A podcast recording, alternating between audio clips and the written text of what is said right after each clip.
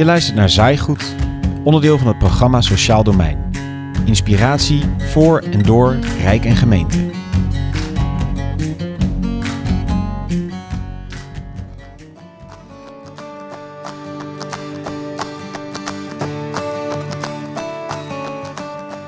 In Nederland krijgen ruim 400.000 mensen een bijstandsuitkering van de gemeente. Omdat er in de afgelopen jaren landelijk flink gekort is op de middelen voor activering van mensen in de bijstand, richt het activeringsbeleid zich vooral op de toplaag van het uitkeringsbestand. De groep die relatief makkelijk kan uitstromen. Noodgedwongen blijft de steun aan het overgrote gedeelte van de uitkeringsgerechtigden zodoende beperkt tot het maandelijks overmaken van geld terwijl werk over veel meer gaat dan alleen het verdienen van geld. het bijstaan van mensen um, doen we op dit moment vooral met het inkomen. Als je kijkt naar de hoeveelheid middelen die op rijksniveau wordt uitgegeven aan activerend arbeidsmarktbeleid, aan reïntegratie, aan activering van mensen, dan is dat schietbarend afgenomen. Ik hoor het elke basisbanen zeggen die ik tot nu toe heb gesproken van ik doe er weer toe, ik voel me meer mens. Ja, je, krijgt een stuk vrijheid voor terug. In deze aflevering van Zaaigoed kijken we naar de bijstand, het activeringsbeleid en we kijken naar de basisbaan. Een instrument om zowel mensen die nu geen betaald werk kunnen vinden, als de samenleving te helpen. Je hoort Chris Wallis. Hij is procesmanager werk, participatie en arbeidsmarkt bij Divosa. En Carine Bloemhoff. Zij is wethouder onderwijs, werk en participatie en arbeidsmarktbeleid in Groningen. Waarom is het activeringsbeleid een ondergeschoven kindje geworden? Welk perspectief biedt de basisbaan? Wat is er voor nodig om dit instrument breder in Nederland van de grond te krijgen? Je hoort het in deze aflevering van Zaaigoed.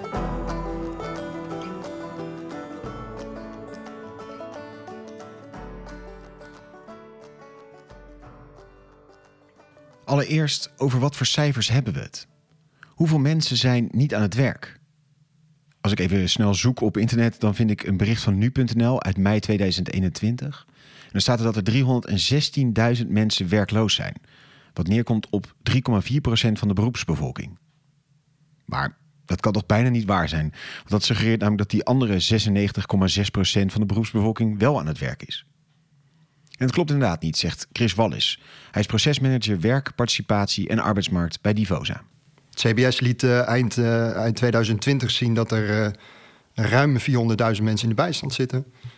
Kleine 400.000 mensen in de WW. En een, een, dikke 800.000 mensen in een, in een soort van arbeidsongeschiktheid slash ziekteuitkering. Of ziektewet. Um, dan kun je dus zeggen dat je een paar honderdduizend mensen aan de kant hebt staan als je kijkt naar de werkloosheid. maar feitelijk hebben we in Nederland anderhalf miljoen mensen met een uitkering eh, eh, eh, die onderdeel zijn van de beroepsbevolking. En dat heeft te maken met de definities. Werkloos ben je als je recent gezocht hebt naar werk. En voor een groot deel van die anderhalf miljoen mensen die Chris net noemt, geldt dat niet.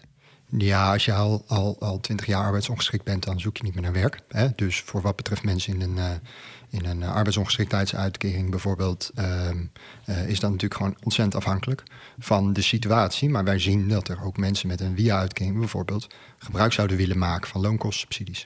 Er zijn mensen die eigenlijk wel meer zouden willen, um, maar op dit moment niet voldoende gestimuleerd worden of um, niet de mogelijkheid zien of hebben om die stap te zetten die ze eigenlijk wel zouden willen zetten. En juist op deze laatste groep, die wel zou willen werken, maar die een grote afstand heeft tot de arbeidsmarkt, richten we ons in deze podcast. Het is niet een groep die arbeidsongeschikt is of in de WW zit, maar langdurig in de bijstand. Je hoort Carine Bloemhoff. Zij is wethouder onderwijs, werk, participatie en arbeidsmarktbeleid in Groningen. Nou, de mensen die het betreft, dat zijn echt mensen die niet meer naar de reguliere arbeidsmarkt kunnen. Dus die niet meer, uh, waarvan de inschatting is dat die ook niet binnen nu en een paar jaar alsnog aan de slag komen. Dus met scholingen of met trajecten.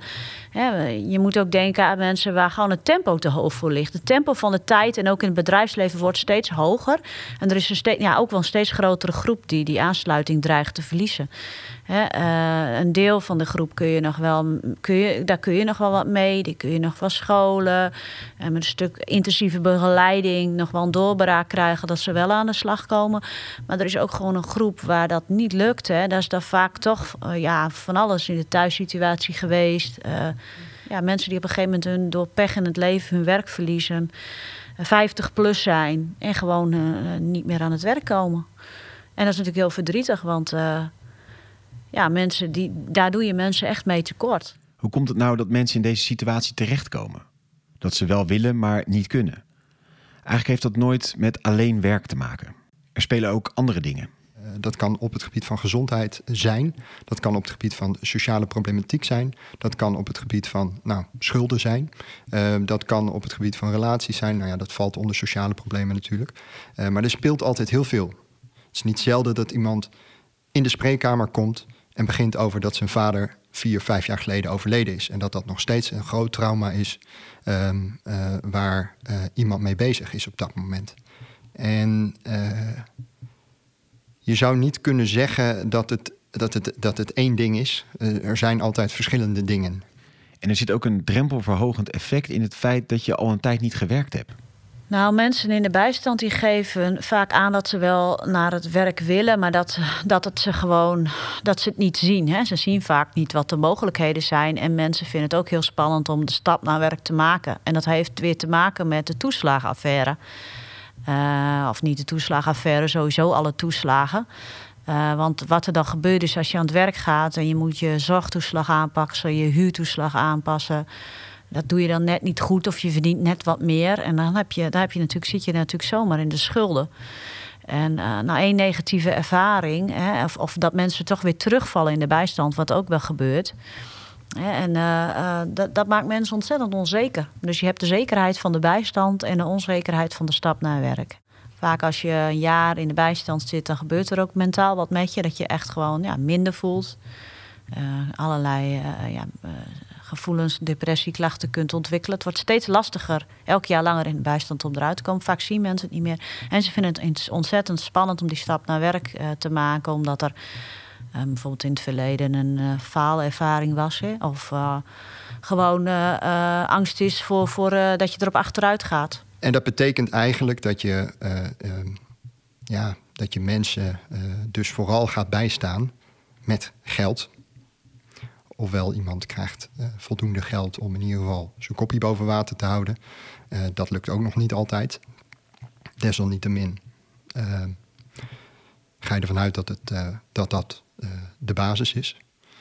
maar bijstaan op het gebied van, van het leven, bijstaan op het gebied van de ondersteuning om weer zingeving te gaan geven aan het leven. Waar soms mensen een steuntje in de rug hebben. Want het zijn toch over het algemeen mensen met, met bagage die, die terechtkomen in de uitkering in Nederland ja, dat bijstaan op menselijk niveau, dat, uh, dat is er uh, voor een deel uitgeorganiseerd geraakt. Omdat um, we toch vooral bezig zijn geweest met het helpen van mensen die dicht op die arbeidsmarkt uh, zitten.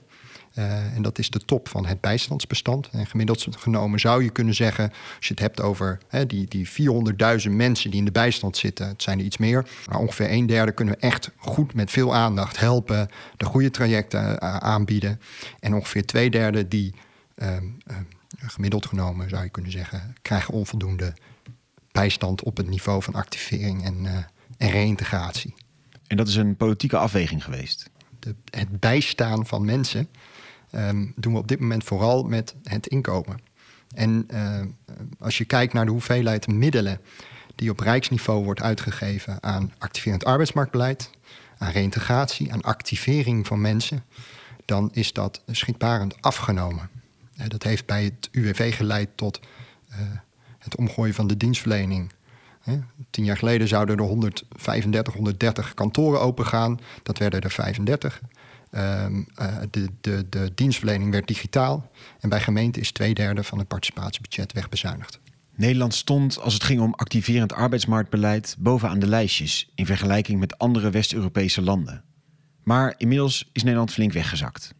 Uh, de Wetenschappelijke Raad voor het Regeringsbeleid heeft, uh, heeft onderzoek gedaan, uh, alweer anderhalf jaar geleden ruim.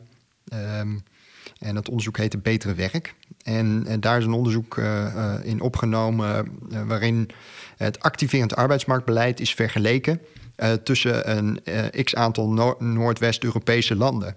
En daar bungelt inmiddels Nederland echt onderaan het rijtje. En dat is Dat is wel pijnlijk, want we deden het relatief uh, goed uh, tot, uh, tot, tot de bezuinigingsdrift na de financiële crisis, denk ik. En Chris benadrukt dat dat niet alleen negatief geweest is. Ik denk dat iedere euro die nu uitgegeven wordt aan dit onderwerp effectiever wordt ingezet dan destijds. Hè, dus het heeft wel degelijk ook tot een kwaliteitsslag in het gebruik van het geld te maken. Um, alleen de rigoureusheid van de bezuiniging is denk ik zodanig geweest dat ook een heleboel kindjes met badwater zijn uh, weggestroomd. Uh, vooral de economische waarde heeft de boventoon gevoerd bij het maken van deze keuzes. Als je kijkt naar, het, uh, naar de manier waarop het CPB ook de verkiezingsprogramma's doorrekent, dan zie je dat als het gaat over investeringen in reintegratie, dat in veel gevallen met name de economische winst daarvan wordt berekend. En uh, het lastige daarvan is, is dat als je gaat investeren in reintegratie, er komen geen extra banen bij. Hè? Um, dus dus uh, dat betekent dus dat als je naar die arbeidsmarkt gaat kijken en je gaat kijken naar wat de economische winst dan is, ja, dan is het zeer beperkt. En dat, uh, dat is best wel lastig. Terwijl er natuurlijk een heleboel andere waarden zijn die je hier ook een rol in zou kunnen laten spelen. Zoals bijvoorbeeld de positieve effecten die het doen van werk heeft. We zijn hier in de aflevering Werk als medicijn al eens uitgebreid op ingegaan. Werk genereert inkomen, maar geeft ook voldoening, zingeving, structuur, sociale contacten. En daarom heeft het, mits natuurlijk wel in de juiste omstandigheden, een heel positief effect op gezondheid en welbevinden. In die aflevering Werk als medicijn hoorden we professor Dr. Han Adema, hoogleraar sociale geneeskunde aan Amsterdam UMC. Door de WHO is dat heel goed uitgezocht dat uh, ja, arbeid eigenlijk een van de wat wij noemen sterkste gezondheidsdeterminanten is. Het is eigenlijk een sociale determinant van gezondheid. Dus, en om een voorbeeld te geven, um, arbeid is bijvoorbeeld even belangrijk, het hebben van arbeid als uh, huisvesting. Um, uh, je kan je voorstellen dat, uh, dat als je dakloos bent, dat je dan ook een slechtere gezondheid hebt. Nou, dat geldt ook voor mensen dat je arbeid ook belangrijk is voor de gezondheid.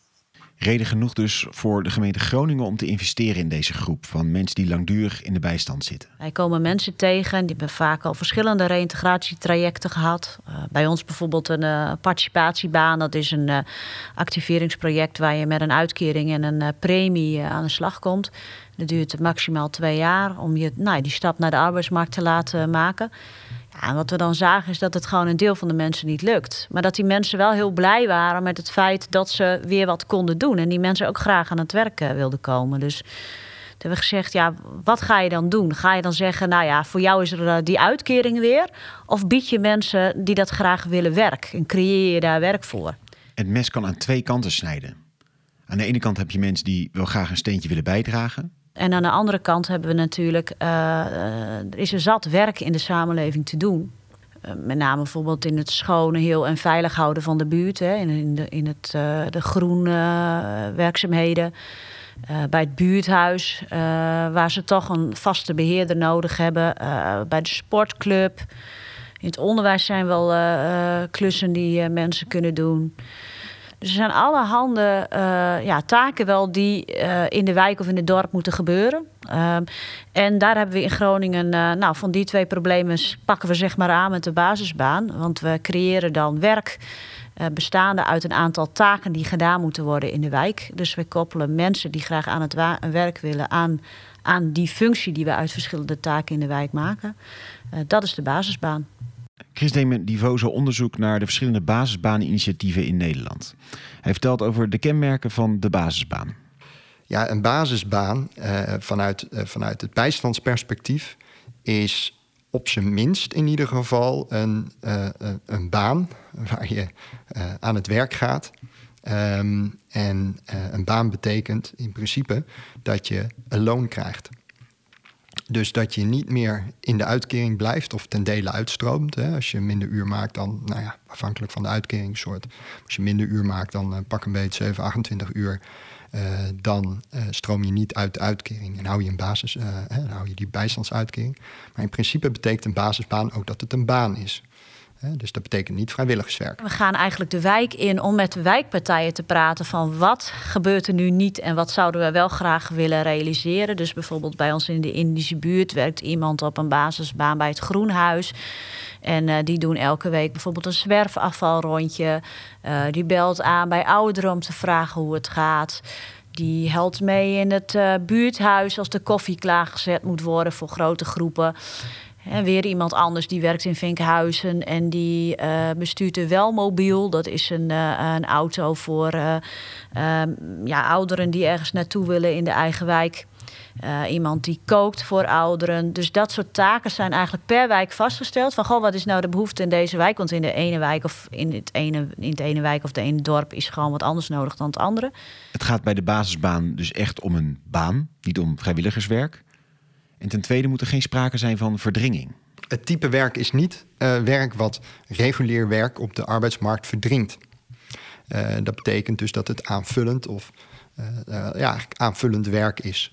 Ook in Groningen is dat niet het geval. Doordat we taken vaststellen die mensen doen en niet een bepaalde functieprofiel hebben. Dus uh, omdat het een takenpakket is, uh, selecteren we taken van dingen die eerder niet gebeurden. Uh, die nu wel door een betaalde kracht worden gedaan. Dus je voorkomt dat je iemand in dienst komt van een organisatie die eigenlijk niet meer zonder die kracht, die ene kracht kan voor 32 uur per week. Dus iemand doet ja, voor verschillende uren taken op wijkniveau. Daarmee voorkom je verdringing. En hoe komt de gemeente Groningen aan die basisbaners? Hoe worden zij gekozen? Ja, nou, we hebben natuurlijk uh, uh, mensen in ons bestand zitten van de gemeente. Uh, en, en, vaak coaches die, die de inschatting konden maken van... Uh, kan deze persoon nog met een stuk begeleiding en, en werkervaringsplaats nog aan het werk of niet? Veel van de mensen, zoals ik zeg, die hebben eerder een participatieplaats gekregen Dus dat is een uitkering plus een premie. En is het dan niet, niet gelukt om door te stromen. Dus het zijn veelal mensen die al bij ons in beeld zijn. Maar we hebben naar aanleiding van de publiciteit ook wel aanmeldingen gehad. Het is wel belangrijk om te vermelden dat uh, het gaat om mensen in een uitkering uh, situatie. Die kunnen we de basisbaan bieden in Groningen. Het gaat in Groningen nog om een experiment. Wat is daar de stand van zaken van? Dus we zijn begonnen op 1 maart 2020 met zeven. En uh, we hebben er nu 43 aan het werk. En nou, hopelijk komende maand of twee wordt het er dus 50. En ja, dat neemt gewoon wel tijd in beslag voor de plaatsing. Je moet, nou ja, je moet de mensen hebben. Uh, en die zijn er wel. Maar je moet ook een goed takenpakket bij iemand uh, krijgen. Dus dat, de matching tussen zeg maar, taken en persoon is heel erg belangrijk. Dat dat goed en ook zorgvuldig gebeurt. Er wordt zorgvuldig gekeken naar de juiste koppeling tussen de persoon en de taken. En daarnaast is er ook intensieve begeleiding, werkinhoudelijk, maar ook ten aanzien van randzaken. Bijvoorbeeld rondom de praktische dingen die belangrijk zijn om te voorkomen dat iemand financieel erop achteruit gaat of in de knel komt door toeslagen. Wij zorgen ervoor dat, dat we, zorgen dat je, we je ontzorgen van uh, neem met ons een checklist door. Is dit geregeld? Is die toeslag aangepast? Hebben we, wat heb je allemaal aangepast om te voorkomen dat ook mensen, uh, nou ja weer, ter, weer, weer terugvallen, zeg maar. Dat ze vervolgens over een half jaar in de schulden zitten, ondanks dat ze werk hebben. Dat zien, willen we echt zien te voorkomen. En alle basisbaners die tot nu toe in het traject zitten, zijn enthousiast over de impact die het heeft op hun leven mensen zeggen: Ik voel me meer mens, ik doe er weer toe. En dat is echt het mooiste wat ik gewoon hoor. Ik hoor het elke basisbanen zeggen die ik tot nu toe heb gesproken: van ik doe er weer toe, ik voel me meer mens. Ik verdien mijn eigen loon. Wat is, ik zeg, wat is nou het verschil tussen in die bijstand zitten met een premie werken of dit? Dan zeggen ze het volgende: ik bepaal nu zelf waar mijn geld naartoe gaat. Ik ben van al die regeltjes af. Ik uh, hoef niet alles meer bij de sociale dienst op te geven. We kennen natuurlijk de boodschappenaffaire, whatever. Daar ben je helemaal van verlost. Je verdient je eigen brood. Je mag zelf weten wat je met je geld doet. Ja, je, je krijgt een stuk vrijheid voor terug. Kortom, een fantastisch verhaal. Mensen uit de uitkering naar betekenisvol werk voor henzelf en voor de samenleving. Maar goed, zoals eigenlijk bijna altijd het geval is, de financiering zorgt voor een uitdaging. Ja, nou, we hebben. Uh, uh, we maken loonkosten voor de mensen. Uh, dat is uh, 28.000 euro. Uh, daar maken we ook begeleidingskosten, zeg maar 5000 euro. Dus dan kom je op 34.000 euro terug. Maar je kunt ook een deel natuurlijk terugverdienen, want de mensen voeren taken uit. Dus aan de partijen vragen we dan ook om een bijdrage te leveren, waardoor de totale kosten weer naar beneden gaan. En wat denk ik belangrijk is te melden, is dat je natuurlijk als je iemand uitstroomt uit de uitkering, dat de uitkering bespaart. Dus in de business case die we hebben gemaakt, rekenen we die uitkering in. Die uitkering, dat is 14.000 euro, bespaar je dan. Maar, en ook dat is weer zo'n klassiek gegeven, de baten en de kosten, die zijn niet eerlijk verdeeld. Wat jammer is, is natuurlijk dat uiteindelijk die 14.000 besparing op lange termijn niet bij de gemeente komt, maar bij het Rijk. Want als we, hoe meer we laten uitstromen, hoe uh, kleiner het totale buigbudget is, het geld wat naar uitkeringen gaat. En dat het uiteindelijk niet bij de gemeente terechtkomt. En hetzelfde geldt uh, natuurlijk uh, voor de, het verminderd beroep op zorgkosten. Want je ziet echt dat mensen zich beter gaan voelen. Uh, iemand die zegt, ik ga eens een keer naar een diëtist. iemand anders die zegt, ja, ik voel me gewoon veel beter. Ik ben gaan sporten. Um, ja, die kosten, die, dat scheelt natuurlijk kosten voor de zorgverzekeraar. Dus uiteindelijk leveren de baten, die vallen bij een andere partij als de gemeente.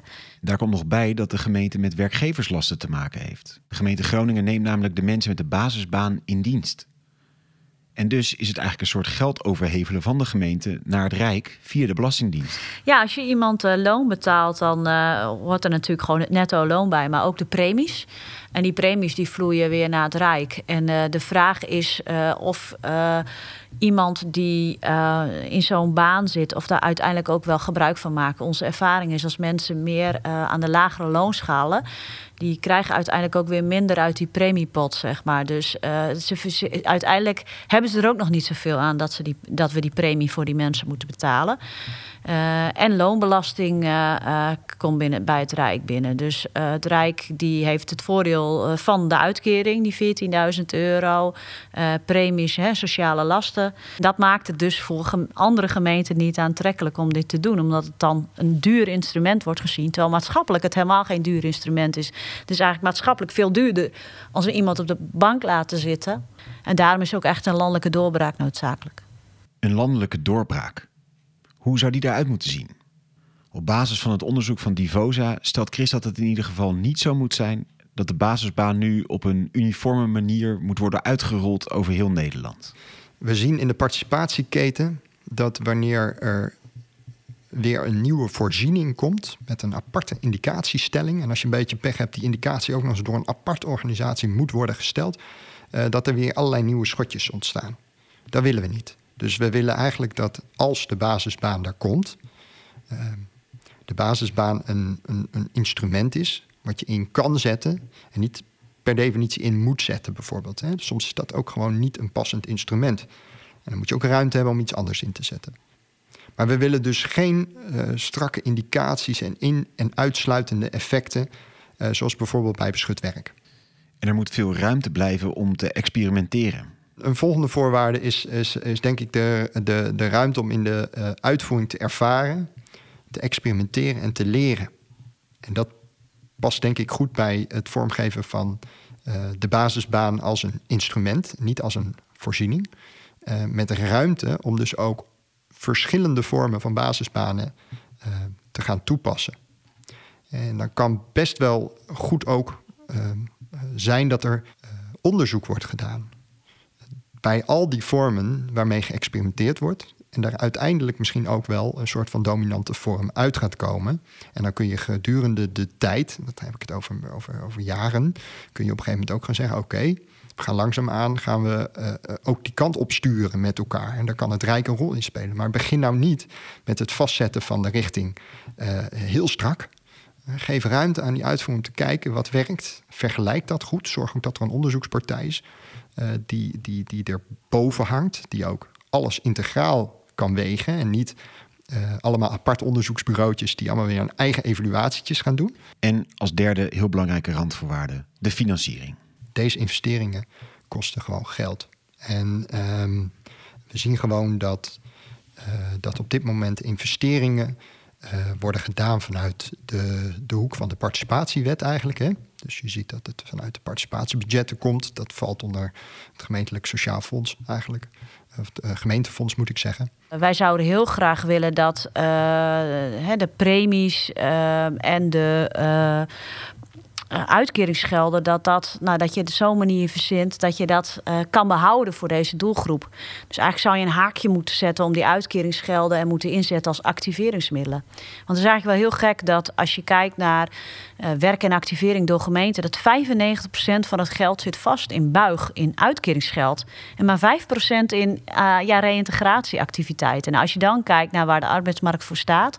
Dus het zou sowieso belangrijk zijn dat een deel van het uitkeringsgeld, ja, als het ware als loon zou mogen worden ingezet voor basisbanen. Uh, en dat zou je dus moeten oplossen uh, met uh, begeleidingskosten.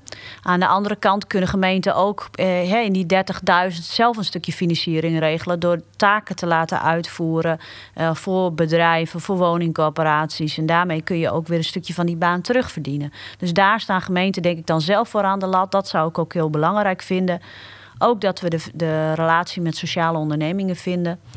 Uh, kortom, we hebben gewoon budget nodig uh, van, uh, van het buigbudget om dat voor deze doelgroep in te kunnen zetten. En uiteindelijk kan het maatschappelijk uit. Nee, we hebben een MKBA laten uitvoeren uh, door Ecorus. En daaruit blijkt dat uh, ja, de maatschappelijke baten hoger zijn dan de kosten. Uh, dan heb je natuurlijk over de harde financiële gegevens. Dus dan gaat het om ja, de baten van de uitkeringskosten die je bespaart, de zorgkosten die je kan besparen, et cetera. Maar aan de andere kant hebben ze ook gerekend met de verbetering van de leefkwaliteit uh, in de buurt. Want die gaat erop vooruit. En ook uh, ja, de, de, het levensgeluk van de mensen. Uh, en daar hebben ze een ondergrens en een bovengrens in gehanteerd. En nou, je ziet in beide gevallen dus dat de maatschappelijke baten boven de kosten uitstegen. Dus ze hebben zowel gekeken naar de materiële, de, de, de harde financiële gegevens als de immateriële kant. En tot slot vraagt het meer bijna filosofisch ook een andere manier van denken. En, en dat, is, dat, is, dat is wel het dilemma. Uh, op dit moment, denk ik, dat, er een dubbele druk zit. Hè? Dus aan de ene kant wil je eigenlijk plekken creëren in je samenleving waar mensen kunnen floreren die op uh, de reguliere arbeidsmarkt echt niet mee kunnen komen op dit moment. Misschien kan dat op een gegeven moment wel weer een keer, maar op dit moment lukt dat gewoon niet. Dat, wil je graag. Aan de andere kant heb je de druk uh, van het efficiënt organiseren van de dienstverlening uh, in wijken, in, in uh, uh, gemeentelijke organisaties, in buurtsettings, et cetera. Um, en dat, is, dat, dat biedt, dat biedt nog steeds zeker kansen. Um, en dat zie je bijvoorbeeld ook bij de basisbanen in Groningen. Alleen het, het vraagt denk ik ook heel veel um, uh, bewust zijn op het feit dat je dan soms misschien uh, met betrekking tot die efficiency um, uh, ook andere waarden mag, mag laten meewegen.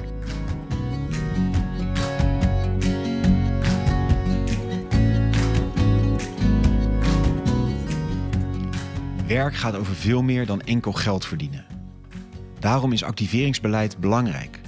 Ook voor mensen voor wie het niet waarschijnlijk is dat ze kunnen uitstromen naar betaald werk.